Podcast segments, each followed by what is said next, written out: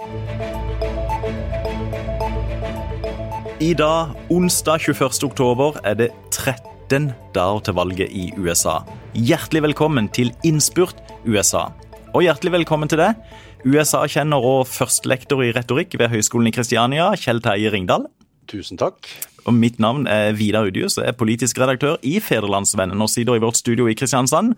Og Kjell Terje, du er med oss fra selveste hovedstaden.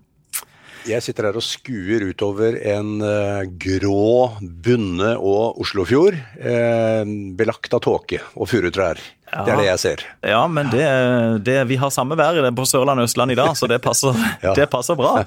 Men, ja, fint. Ja, men i dag skal jo vi snakke om noe som det kan komme til å gnistre av, nemlig den ukas store høydepunkt i USA, TV-debatten mellom Donald Trump og Joe Biden natt til fredag norsk tid.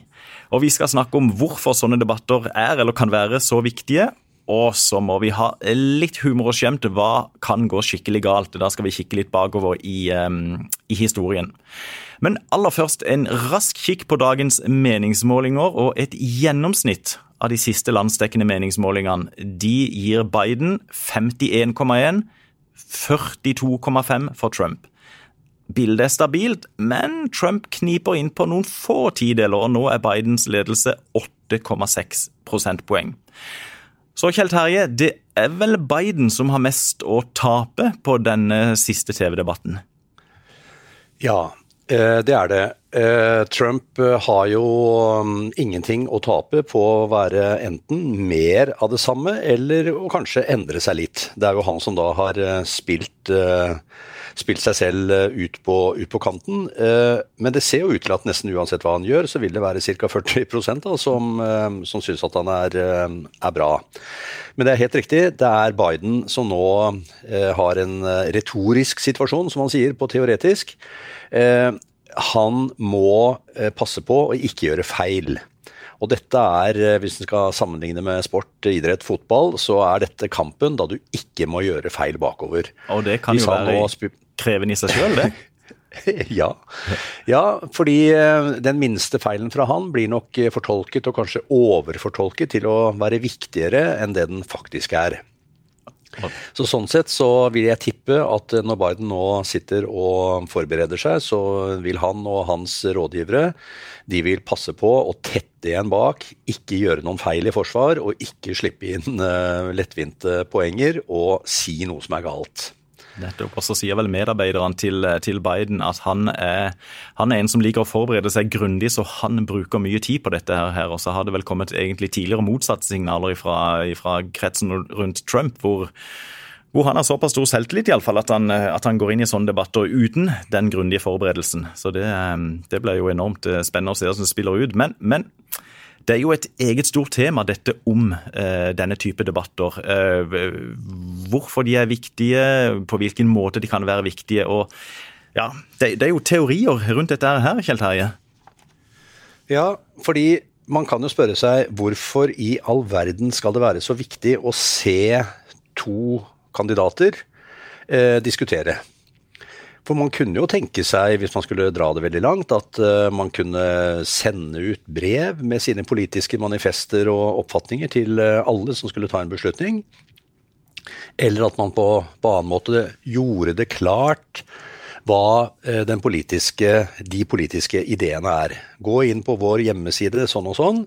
Der finner du vår politiske posisjon på skatt og helse og utenrikspolitikk osv. Og, så og så tar du en beslutning basert på det. Men det vet vi jo etter hvert, og i hvert fall siden sånn ca. 1960 og framover, så har det blitt mer og mer viktig hvordan du opptrer, hvordan du blir oppfattet på TV. Fordi det vi vet, er at folk er på jakt etter autentisiteten. De er på jakt etter det sanne mennesket, den egentlige politikeren. Og det tror vi at vi kan få øye på når vi ser disse menneskene fotografert, filmet eh, på TV. Det er der deres innerste sjel avdekkes. Så sånn sett så er TV-mediet en formidler av det vi kan tenke å være det sanne, den sanne politikeren. Og derfor så er svette, usikkert blikk, eh, forsnakkelser, rykninger, små ting som ser litt merkelig ut, de kan bli tillagt veldig, veldig stor vekt. Og jeg har en liten uvane i livet, og det er å gå til det etymologiske. Altså hva betyr egentlig eh, impression, eller inntrykk? Og det er altså Det kommer eh, via, som så mye annet, latin og tysk, eindrykk.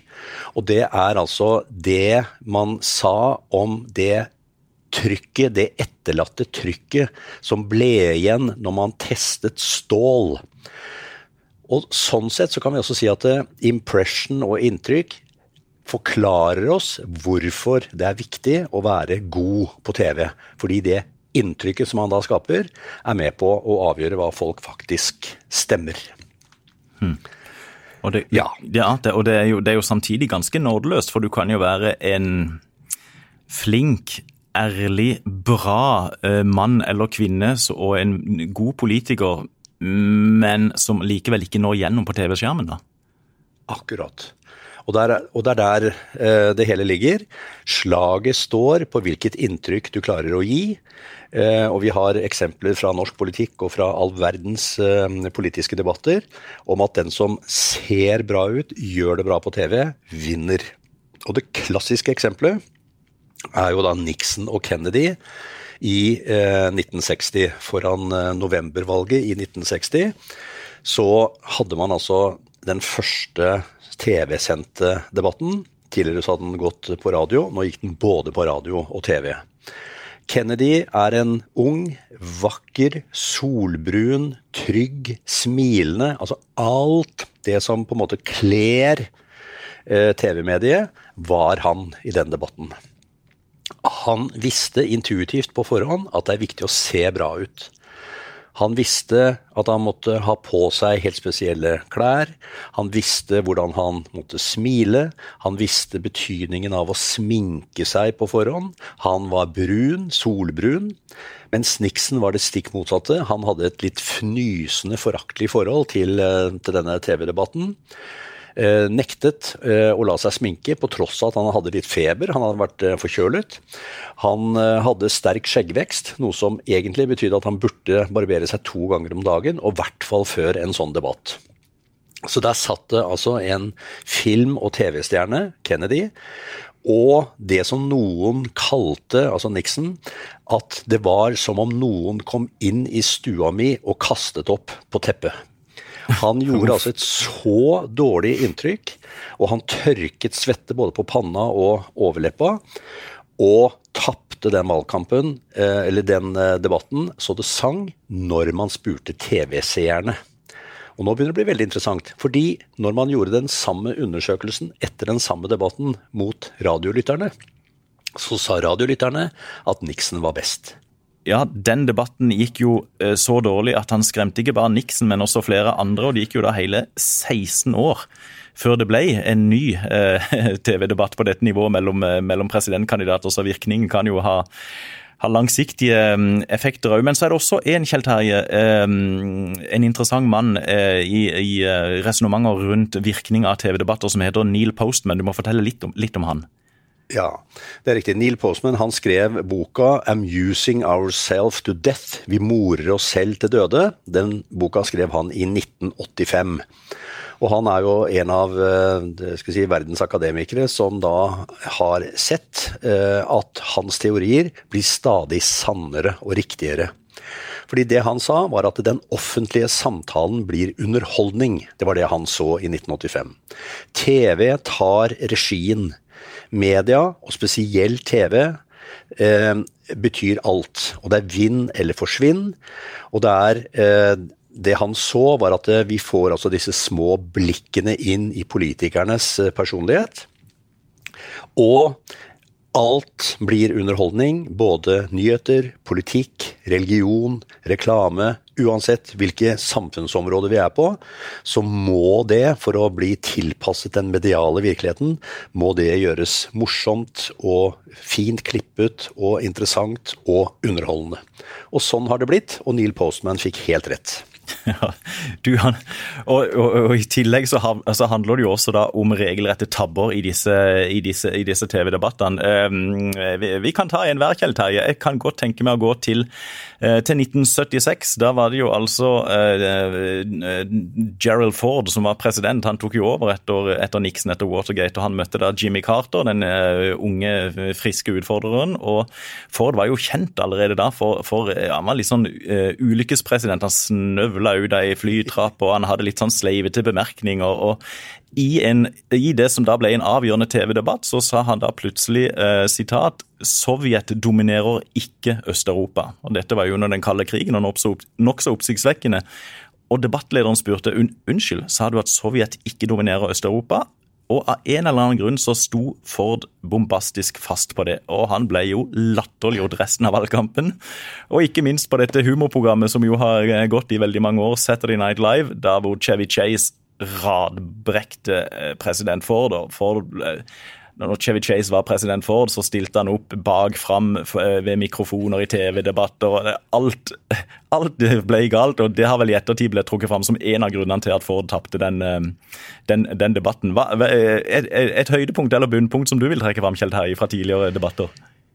Ja, det er, eh, det er, altså mange, og det er igjen, som Neil Postman sier, det er de små øyeblikkene som gir oss et lite gløtt inn i det vi kan anta er en personlighet.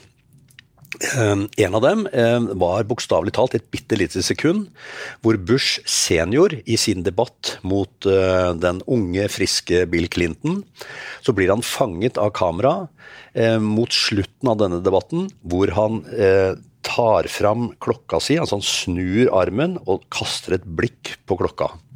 Det ble tolket som en gammel mann som var litt trøtt og som var litt lei, og som kanskje tenkte dette er så kjedelig, jeg håper det snart går over.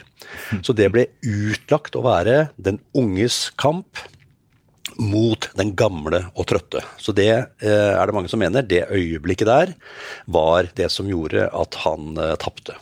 Og, og Et annet berømt Ja, unnskyld. Nei, jeg skulle bare si for Bush sjøl har vel da forklart om dette øyeblikket. For han hadde jo et litt selvironisk forhold til seg sjøl, pappa Bush. Um, og Han har senere forklart at det han tenkte akkurat da han kikka på klokka, var at jeg hater disse debattene, jeg er så glad at han snart er over. ja, nettopp. Så det var jo sant. Ja, ja. Så inntrykket som ble skapt, var eh, riktig. Ja. Et annet, eh, bare kort, er jo da Obamas eh, første debatt eh, i, eh, i, presidentdebatten, hvor han var eh, litt sånn stiv og støl og gjorde en dårlig debatt. og I 20, ble oppfatta som 2012, vel, da, mot eh, Romney? I 2012, ja. ja. Det er riktig. Han ble oppfatta som søvnig. Og Michelle Obama sa at eh, når, når, han kom hjem, at du burde komme her, så skal jeg vise deg reprisen, eh, for du har sikkert ikke sett den sjøl. Så hun var den første og største kritikeren av en tilsynelatende trøtt og uinspirert Obama. Så er det kanskje klassikeren av dem alle, hvordan en one-liner kan snu alt. Og dette er jo Reagan, som da egentlig levde av og for one-liners. Han hadde jo også eh, debatten om alder da han kjempet mot eh, nesten-nordmannen eh, Mondale. Eh, hvor Reagan da sier, når denne alders... eh, kommer opp I'm not going to exploit my opponent's youth and inexperience. Altså, jeg skal ikke utnytte politisk min motstanders ungdom og uerfaring, eller eh, mangel på erfaring. Og de tre sekundene der gjorde at alle, altså millioner av TV-seere, og ikke minst Mondale selv, bare brakk sammen av latter. Og dermed så var den debatten lagt død. Fantastisk. Oi, oi, oi. Ellers bare veld, veldig, veldig på fallrepet her. Eh, eh, I 2011, da republikanerne, bl.a. Romney, kjempa om å bli republikanernes presidentkandidat, så var jo en av kandidatene eh, Rick Perry. Og, han, eh, og dette var jo Republikanerne kjempa jo innbyrdes om å være mest mulig mot stat og sentralforvaltning, og Rick Perry hadde lovt å legge ned det var vel tre departementer. Og så i en TV-debatt så huska han bare to av de. Handelsdepartementet og Utdanningsdepartementet. Og så begynte han å famle og så sa han la meg se, beklager, nei jeg husker ikke det tredje. Og så la han til dette ordet ops. Og dermed var det gjort. Han ble latterliggjort resten og var ute av den, av den kampen. Men Kjell Terje, tida går. Vi kunne nevnt, nevnt, mange flere, men desto mer spennende blir det jo her natt til fredag å følge med. Og fredag morgen formiddag så skal du og meg evaluere og trekke konklusjoner etter denne TV-debatten mellom Trump og Biden. Det blir spennende. Takk for følget i denne runden, Kjell Terje. Like måte. Takk skal du ha. Tusen takk til alle som hørte på, og så høres vi fredag.